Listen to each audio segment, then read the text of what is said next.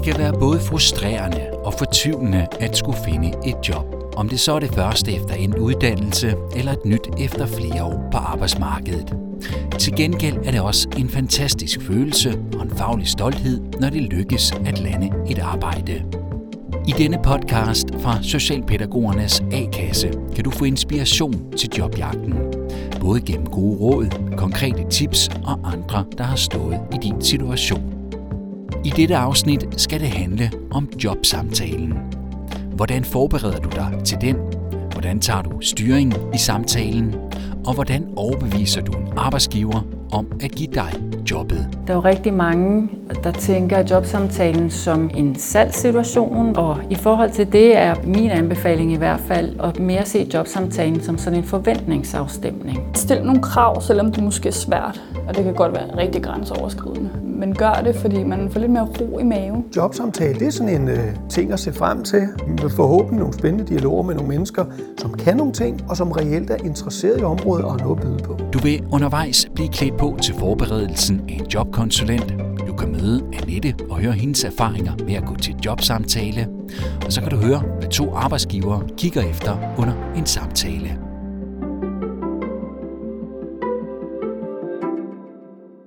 Vi starter hos en, du kan få hjælp af, hvis du står foran at skulle til en jobsamtale. Jeg hedder Maria Hesselberg. Jeg er jobkonsulent i Socialpædagogernes A-kasse. Et af de spørgsmål, som Maria oftest hører, er, hvordan forbereder jeg mig bedst til en jobsamtale?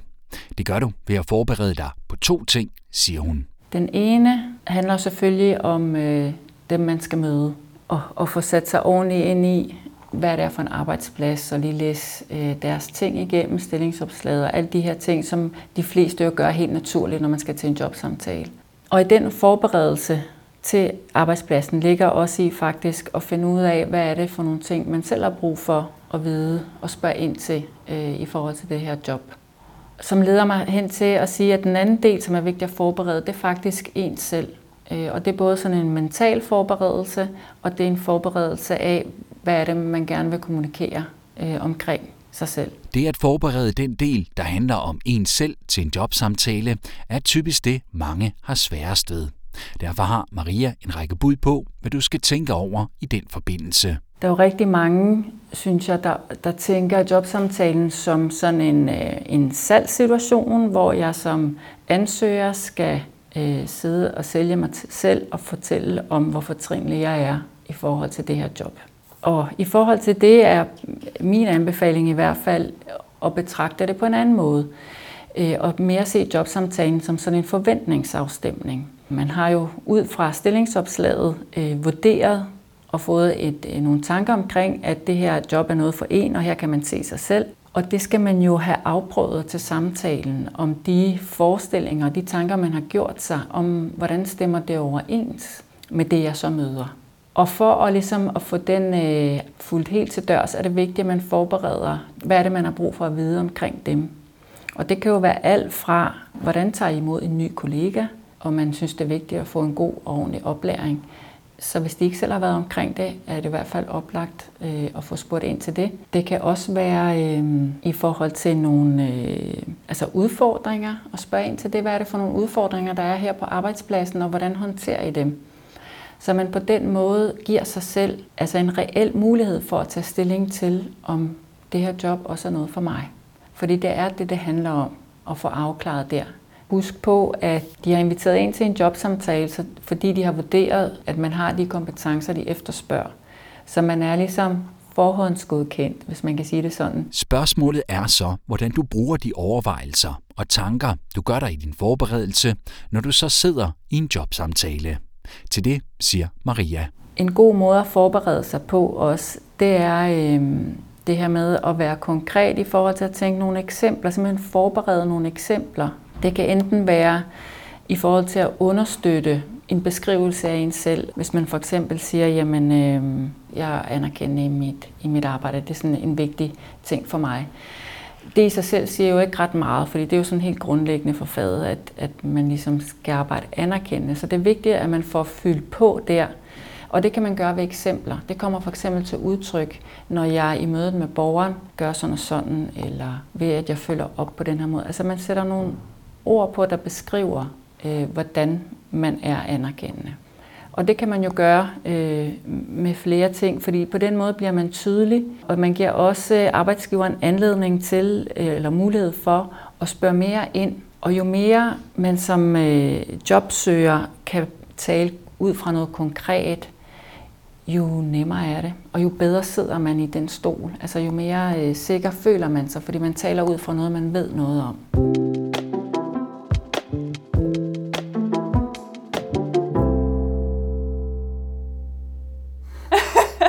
Grinet her tilhører en nyuddannet socialpædagog, der glæder sig over at have fået et job. Jeg hedder Annette Bus Petersen, og jeg er 30 år gammel. Jeg bor i Nødebo, øh, og så er jeg uddannet pædagog og øh, med speciale inden for social- og specialområdet.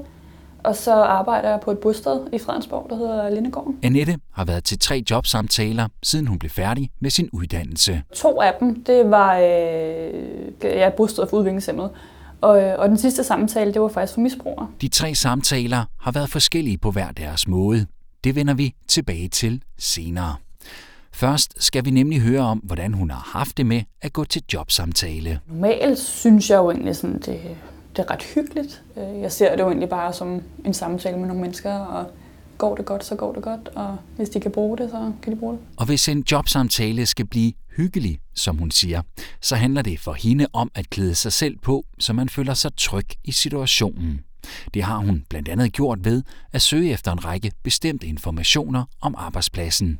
Jamen, jeg tjekker hjemmesiden, og så øh, jeg går jeg jo igennem øh, som regel handleplaner, øh, pædagogiske planer, værdigrundlag, øh, og så lidt primært om stedet. Øh, hvad det er for et sted og paragrafer, og om det er ja, psykiatrisk tilbud, eller det er jeg egentlig også ret interesseret ved, sådan, om, øh, om jeg kan forvente noget udadreagerende adfærd.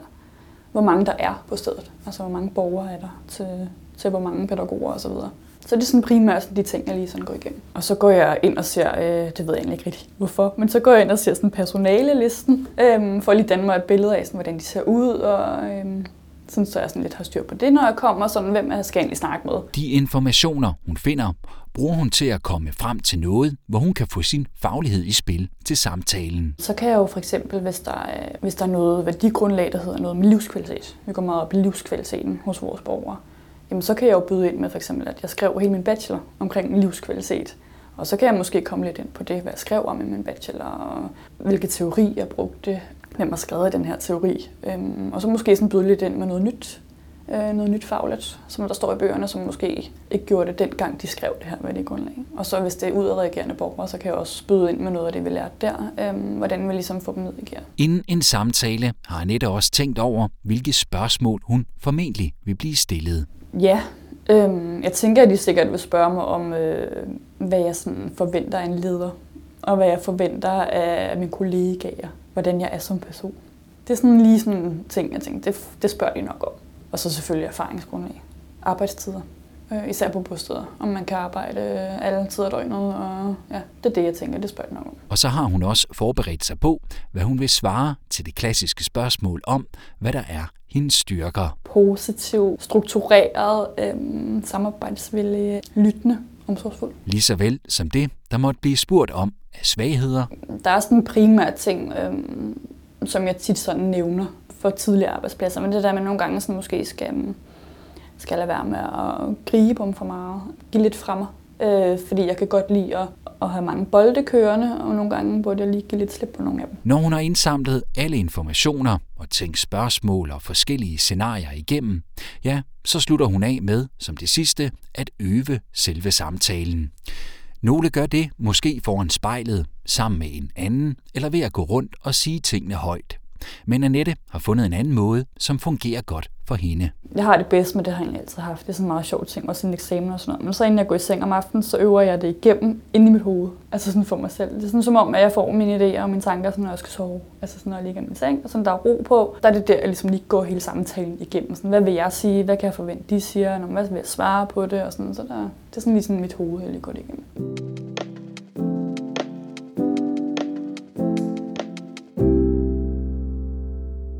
Vi skal retur til Socialpædagogernes A-kasse og jobkonsulent Maria Hesselberg. Udover alle de generelle ting, du kan og bør forberede dig på til en jobsamtale, så kan du måske også sidde med nogle mere individuelle og personlige ting, som du er i tvivl om, om du skal bringe på banen til en samtale, og hvordan du i så fald gør det. I udgangspunktet, så bestemmer man jo selv, hvor meget man vil indvige i. Det er jo en balancegang, men, det, men man skal beslutte sig for det på forhånd, så man ikke sidder i situationen og, og bliver usikker og i tvivl. Og hvis man har nogle ting med i bagagen, som hvad skal man sige, ikke er så rare, det kan jo være noget, der forbinder sig til den tidligere arbejdsplads, hvor man har været, og man er måske kommet derfra på en dårlig måde. Så skal man øh, afgøre med sig selv, hvad det er, man vil sige, og hvorfor. Jeg tror, det der med at stille spørgsmål, hvorfor vil jeg gerne have, at de ved øh, det her om mig, det tror jeg er vigtigt at stille sig. Det vil afklare meget. Og mindst lige så vigtigt at sørge for at være helt klar på, at man bliver på sin egen banehalvdel. Altså, fordi det, det gør aldrig noget godt, at man kommer til at sige noget om andre eller en anden arbejdsplads på en dårlig måde. Uanset øh, hvad forholdene så end måtte, her måtte være. Ikke? Men hvis der er noget, som betyder meget for dig i forhold til, om et given job er noget, du kan se dig selv i, om det så er arbejdstiderne, arbejdsmetoderne eller arbejdsforholdene, så lyder anbefalingen fra Maria, at du bør få det lagt frem til jobsamtalen. Øh, jeg tænker, det er vigtigt, rigtig vigtigt at komme frem med de ting, som man selv vægter, fordi det er der afklaring også sker. Altså, jeg har oplevet nogle gange øh, nogle medlemmer, som har fortalt, at, øh, at de har været til den her jobsamtale, og så viste det sig, at de ting, som var vigtige for dem, eller faktisk grunden til, at de havde søgt jobbet, at det var egentlig noget, der faktisk ikke fyldte særlig meget. Så, øh, så da det kom til stykket, så blev det en afklaring af, at det faktisk ikke var noget, noget for dem alligevel. Og der skal man holde fast i, at afklaring er afgørende, fordi øh, det ville jo være rigtig ærgerligt at, øh, at blive ansat til en stilling på de forkerte præmisser, eller man skal sige. Øh, så er det hellere at få det afklaret på forhånd. Og her vender vi så, som tidligere lovet, tilbage til jobsamtalerne, som Annette Busch Petersen var til, fra hun stod som færdiguddannet socialpædagog, til hun fik sit job på bostedet Lindegården. For mens den ene samtale gik dårligt, ja, så gik den anden langt bedre. Det gik faktisk rigtig fint. Øhm, selve samtalen, de var sådan meget hurtige på aftrækkeren og var ret sådan klare i, hvad de egentlig ville. Så de tilbød mig faktisk jobbet til samtalen. Øh, og det takkede jeg ja tak til. Øh, og gik hjem med følelsen af sådan, det synes jeg egentlig gik meget fint. Men den gode følelse forsvandt hurtigt, for hun havde ikke kun sagt ja tak til jobbet, men også ja til hyppige weekendvagter og skæve arbejdstider. Og sagde egentlig bare ja til det hele. Øhm, og kunne godt mærke, at jeg gik, at ah, det hænger måske ikke helt sammen, det jeg lige har sagt ja til. Inderst inde følte hun nemlig ikke, at det harmonerede med hendes familieliv og det at være mor til et barn på et år. Men det havde hun bare ikke nævnt til samtalen. Annette endte med at takke nej til jobbet og i stedet satse på en tredje jobsamtale, som hun var blevet indkaldt til. En samtale, der var kommet i stand gennem Socialpædagogernes A-kasse, som hun samtidig tog en snak med om, hvordan hun skulle takle det at stille krav om hendes arbejdstider. Og så var hun sådan, prøv at sige, øh, du vil de her antal timer, du vil den her arbejdstid, du vil ikke arbejde hver weekend. Øh, og så ligesom sige, jamen, take it or leave it. Øhm, og der var jeg sådan, okay, jamen, kan jeg det? Altså, fordi så vil de jo ikke have mig. Så var hun sådan, jo, selvfølgelig kan du det. Og du er jo heller ikke travlt med at finde et arbejde. Altså, der er jo masser af jobs, så du bliver kaldt til samtaler, og så prøv at se, hvad der sker. Øhm, og så til den her samtale, der var jeg jo sådan rimelig, altså mm, dagvagter, det, det er min primære, altså det, det skal jeg have. Øh, fordi de der aftenvagter og rul og sådan noget, det, det bliver for bøvlet øh, med en familie derhjemme. Og øh, så var han meget sådan, at måske hver anden weekend, og så sagde jeg, når man, altså det hænger måske ikke helt sammen på hjemmefronten, så vi kom frem til en kompromis, der hedder hver tredje weekend. Øh, og vi fandt faktisk nogle rigtig gode løsninger, også med noget aftenvagt, men ikke hver uge, men hver anden uge. Og, øh, og jeg sad faktisk med ret meget ro i maven øhm, til den her samtale. Jeg tænkte, okay, gud, og gud, var de fleksible, og jeg slet ikke regnet med, at han var så fleksibel og sagde, det finder vi ud af, og sådan noget. Du kommer også bare, hvis det ikke passer med skemaet og sådan noget. Og jeg fik tilsendt mit schema og sådan noget, og det stemmede overens med samtalen, og øh, det var jeg bare super glad for. Selvom det var grænseoverskridende, som hun siger, at stille krav til jobsamtalen, så er Annette glad for, at hun gjorde det. Og hun vil også opfordre andre til at gøre det samme. Det er, sådan, det er noget, jeg vil tage med videre, helt sikkert. At man også gerne må stille nogle krav. At man ikke bare skal sidde og være taknemmelig og sige ja til det hele. At det også er vigtigt, at du, øh, du allerede til samtalen får nævnt de krav, du har. For ellers er det også bare, altså, jeg vil ikke sige pinligt eller flot, men det er måske sådan lidt bøvlet at ringe tilbage bagefter og sige, om alt det, jeg faktisk sagde ja til til den her samtale, det mener jeg ikke. Det er jo også lidt fjollet for alle parter, kan man sige. Så, øh, så det er meget fint lige at få det bragt på banen til samtalen, så de også ved, hvilken forventning du har. Fordi du bliver sådan lidt mere positiv omkring det, og, øh, og måske også få lidt sådan selvtillid. Altså sådan, om det, de må også tage mig, eller, eller hvad skulle jeg til at sige. Altså det er meget sådan, øh, hvis de kan bruge det, kan de bruge det, og hvis ikke, så er det bare på sin vis deres tab.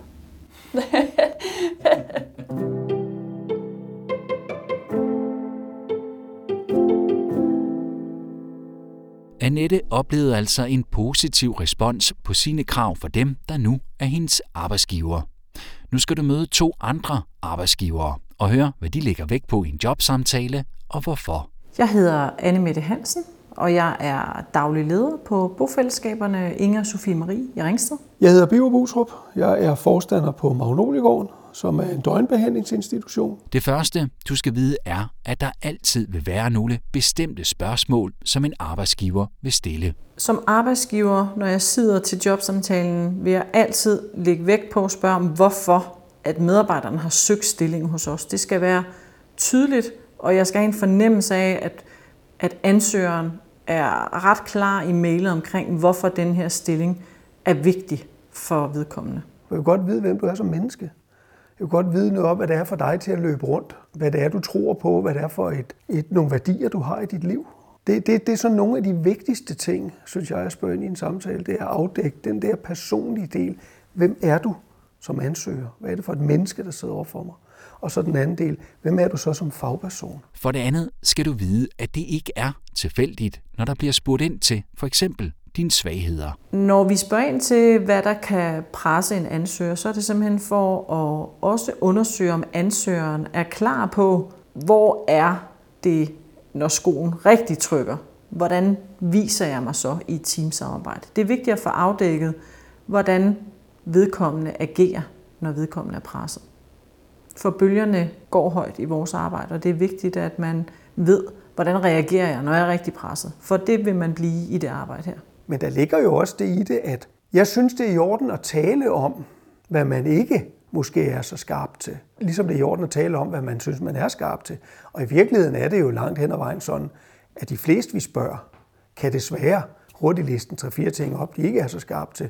Når man så beder dem om at sige, hvad de er skarpe til, så kan de kun, måske kun nævne en. Det tredje, der er værd at huske på, er, at du skal bruge samtalen til at vise, hvad det er, du brænder for, og hvad det er, der motiverer dig jobmæssigt. Og det er igen for at se, er der noget drive i personen her? Er der øh, opnået nogle resultater, som man egentlig godt vil delagtiggøre og sige? Hvad er du særlig glad for? Er der noget, du er særlig god til? Noget, du virkelig brænder for at lave med de her unger? Sådan og sådan og sådan. Det er det, jeg gider lave med børn.